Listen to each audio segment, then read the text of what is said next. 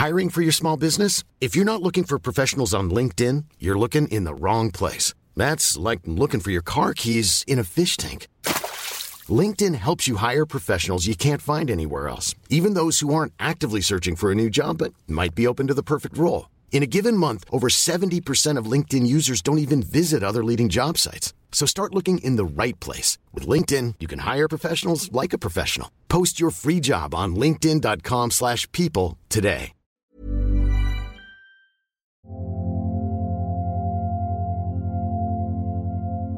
Vi er nødt til at forholde os til klimaforandringerne.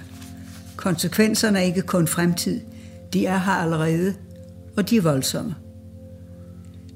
Det er de fleste i Danmark fuldstændig klar over, selvom det har været vanskeligt for nogen af os helt at indse det.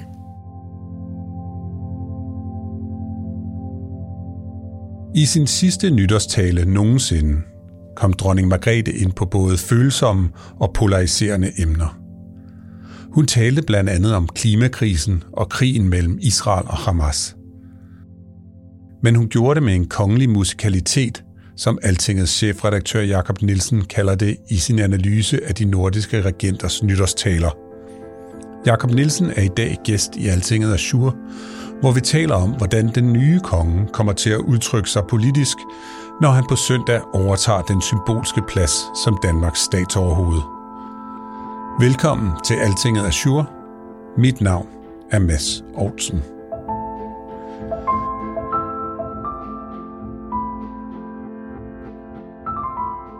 kongehuset er jo ikke noget, der har nogen betydning for min hverdag. Jeg har det lidt ligesom øh, Altingets ejer Rasmus Nielsen skrev i en, øh, i en kommentar for nylig, at, at i de her dage kan man jo næsten få indtryk af, at kongehuset er, er grundpillen i folkestyret, det vi alle sammen kan samles om. Og der, der er det jo lidt anderledes, øh, at grundpillen i folkestyret, det er jo Folketinget.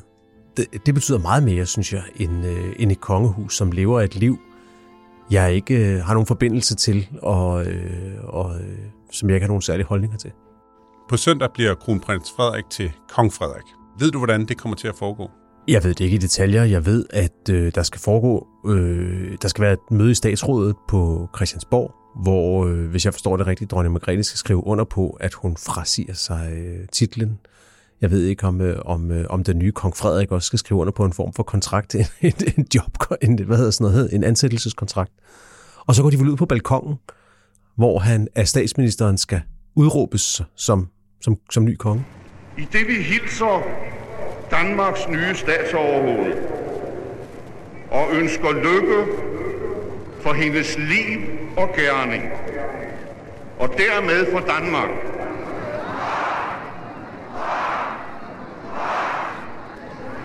Det handler vel netop om, at Folketinget faktisk er vigtigere end kongehuset. At det er faktisk Folketinget, det er faktisk folkestyret, der styrer den her proces og siger, at vi tillader, at du bliver konge, ikke, ikke omvendt. Vi, vi er ikke Frederik den 10. undersåtter. Han er sådan set en, der dybest set er ansat af os til at udfylde den rolle, vi har valgt, der skal være, at der skal være en, der er konge. Grunden til, at jeg har inviteret dig herind, det er egentlig også for at tale lidt om kongehusets rolle i den politiske debat. Mm. Hvad er egentlig kongehusets rolle i den politiske debat? Jamen, de har jo per definition ingen rolle i den politiske debat, for kongehuset må jo ikke øh, deltage i, øh, i politik. Det siger næsten øh, sig selv, for så ville det jo være et ekstremt udemokratisk element, hvis der sad nogen, der på grund af nedarvede privilegier spillede en eller anden politisk rolle. Men samtidig er det klart, når man repræsenterer Danmark indad til og taler til danskerne en gang om året i nytårstalen og er ligesom vores fornemmeste repræsentanter, så kan det jo heller ikke nytte noget, at man er politisk tonedøv. Og på den måde er der jo et paradoks i kongehusets rolle, der hedder, at på den ene side må de ikke være politiske, og på den anden side må det ikke se ud, som om de ikke forstår politik. Så deres rolle er egentlig at udtrykke tidens politiske tendenser på en måde, så man kan se, at de følger med, men også på en måde, der udtrykker en meget bred konsensus i samfundet. Øh, alle kan selvfølgelig ikke være enige om alt, men der må ikke være, de, må ikke, de må ikke opfattes som splittende. Der er et meget berømt øjeblik fra talen i 1984, hvor dronningen taler om danskernes forhold til indvandrere. Det er der også andre, der har måttet føle, nemlig gæstearbejderne og deres familier. Nu er tiderne lidt mindre gunstige, end der mange af dem kom hertil. Og det går ofte hårdere ud over dem, der ikke gennem generationer er indlevet i den danske hverdag, og derfor har sværere ved at omstille sig. Så kommer vi med vores danske humor og små dumsmarte bemærkninger. Så møder vi dem med kølighed. Og så er der ikke langt til chikane og grovere metoder. Det kan vi ikke være bekendt. Hvad er det så, der sker, når dronningen nævner et bestemt politisk emne? Jamen det, man skal huske, det er jo, at jeg tror på det tidspunkt udtrykker hun jo en bred politisk konsensus om, at øh, udlændingepolitikken kan vi måske godt diskutere, men vi skal virkelig opføre os ordentligt, og vi må i hvert fald ikke øh, tale grimt om udlænding. Hun har jo senere været ude at sige, at det var meget naivt, det hun sagde. Og da hun sagde, at det var naivt, var det selvfølgelig fordi, at hun så på det tidspunkt udtrykte den nye politiske konsensus, som er, at vi må gerne tale rigtig grimt om udlænding. Det er faktisk rigtig vigtigt, at vi gør det.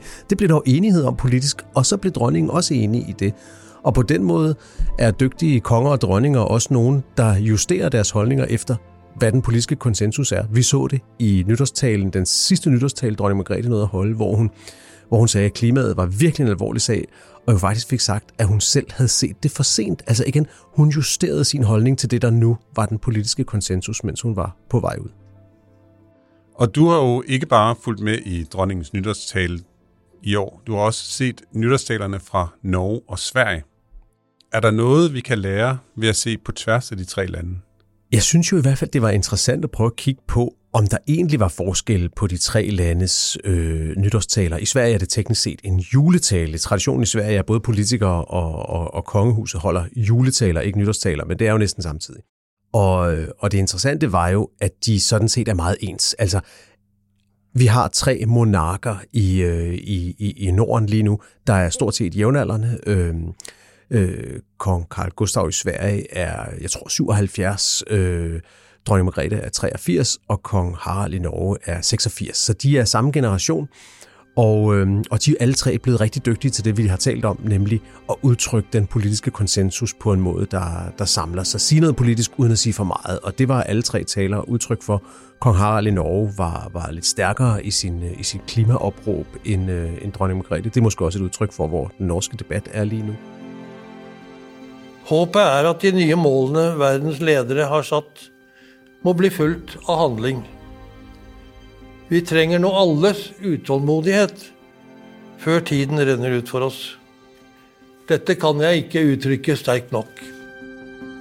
Øhm, og talte også om et meget, meget følsomt emne i Norge, nemlig forholdet til samer og andre oprindelige folk mod nord, som, øh, som øh, igennem mange år er blevet norskificeret, øh, og øh, måske øh, øh, hvor der er en, strid, en gryende erkendelse i Norge af, at det har været et politisk problem, og det udtrykte kongen så også. I Sverige, den svenske konge er mere forsigtig, måske også fordi han er kommet galt afsted med politiske meldinger lidt flere gange end de andre, men fik også sagt noget om klimaet, og fik også sagt noget meget forsigtigt om øh, al den bandekriminalitet, der hæver Sverige lige nu. Her hjemme i Sverige har flere drabbats av det øh, hänsynslösa gängvåldet och många känner en, en oro över samhällsutvecklingen. Så på den måde var det egentlig tre meget ens nytårstaler, synes jeg.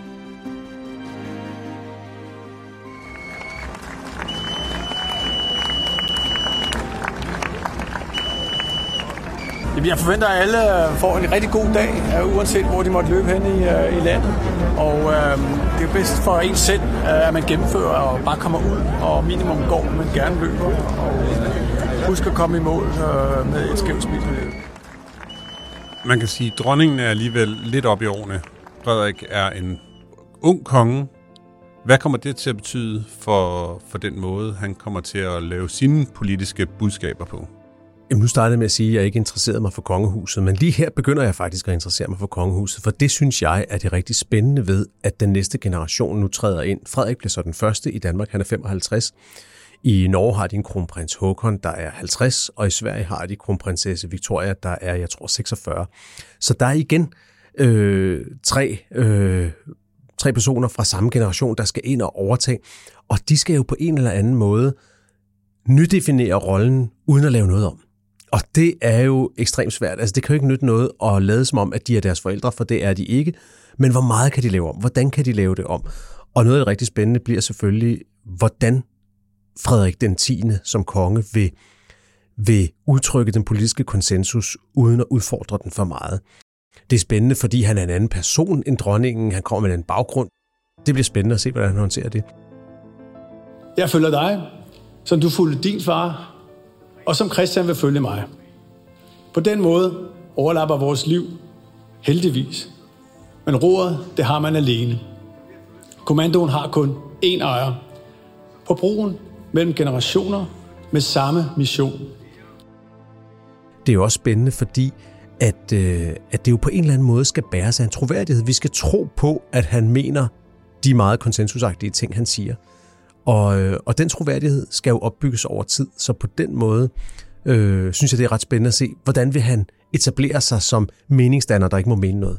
Man kan vel godt sige, at kronprinsen har opført sig som et mere almindeligt menneske, end dronningen nogensinde har. Tror du, det kommer til at have en betydning for den måde, han bliver konge på?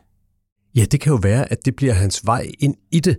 Og deri ligger jo også nogle dilemmaer, fordi hvor almindelig kan man være, når man er konge? Det ligger ligesom i hele konceptet, at det skal være en form for for eventyr. Jeg tror, det var, det var Rune Lykkeberg i, i Information, informationschefredaktør, der skrev, at kongehuset jo sådan set er den omvendte version af kejserens nye klæder, at her, der har de faktisk tøjet på, men det er også det eneste, de har. Der er ikke andet end, øh, end, end tøjet, ikke også? Så, så, øh, så han er nødt til at være ualmindelig. Og, øh, og, og derfor, det har, det har jo fungeret rigtig fint for ham med Royal Run, som har været den her årlige fødselsdagsfejring, og som har været en måde at samle folket på. Men det signalerer lige præcis, som du siger, at han er utrolig almindelig. Han løber en tur, ligesom, øh, ligesom alle os andre. Og der er han nok nødt til at, at finde nogle måder også at være lidt ualmindelig på. Nu giver det måske sig selv med det, du har sagt, men øhm, skal du ind og se tronskiftet på søndag inde på Christiansborg Slotplads? Jamen, jeg tror, hvis du har hørt diskussionerne i min familie, så vil jeg ikke sige, at det giver sig selv, men, men jeg er heller klar til nej. Jeg, jeg har intet behov for at stå der. Men det, det er jo et historisk øjeblik. Jeg kan først godt forstå, at der er mange danskere, der vil ind og se det. Det er jo øh, Øh, sandsynligvis for rigtig, rigtig mange af os once in a lifetime. Jeg var selv, øh, tror jeg, en måned gammel, da dronning Margrethe blev, øh, blev udråbt til, til dronning inden fra, fra Christiansborg, så, så det har jeg kun en meget, meget svag erindring om. Øhm, og, og der er jo stor sandsynlighed for, at det ikke vil ske igen i min levetid. Så jeg forstår godt, at mange mennesker vil søge ind og se det personligt. Har jeg ikke behov for at, at stå og se det, og specielt ikke nu, hvor vi sikkert vil kunne se alle nærbillederne direkte i fjernsynet. Jeg kommer da nok til at sidde og, og kigge lidt med. At udføre mit værv som Danmarks dronning. Det skal være mit livs mål. Og deri vil jeg lægge al min flid og al min kraft. Så hjælpe mig Gud. Guds hjælp, folkets kærlighed, Danmarks styrke.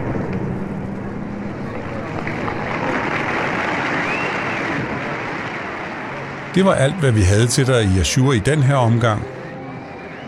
Jeg kan som en lille public service oplysning fortælle, at skulle man være interesseret i at se statsministerens proklamation af tronskiftet fra balkongen på Christiansborg Slot, så foregår det på søndag kl. 15. Vi brugte i dag klip fra DR og fra Kongehusets YouTube-kanal. Dagens afsnit var lavet af Clara Vestergaard Lausen, Sabine Dybdal Kristoffersen og af mig, jeg hedder Mads Olsen.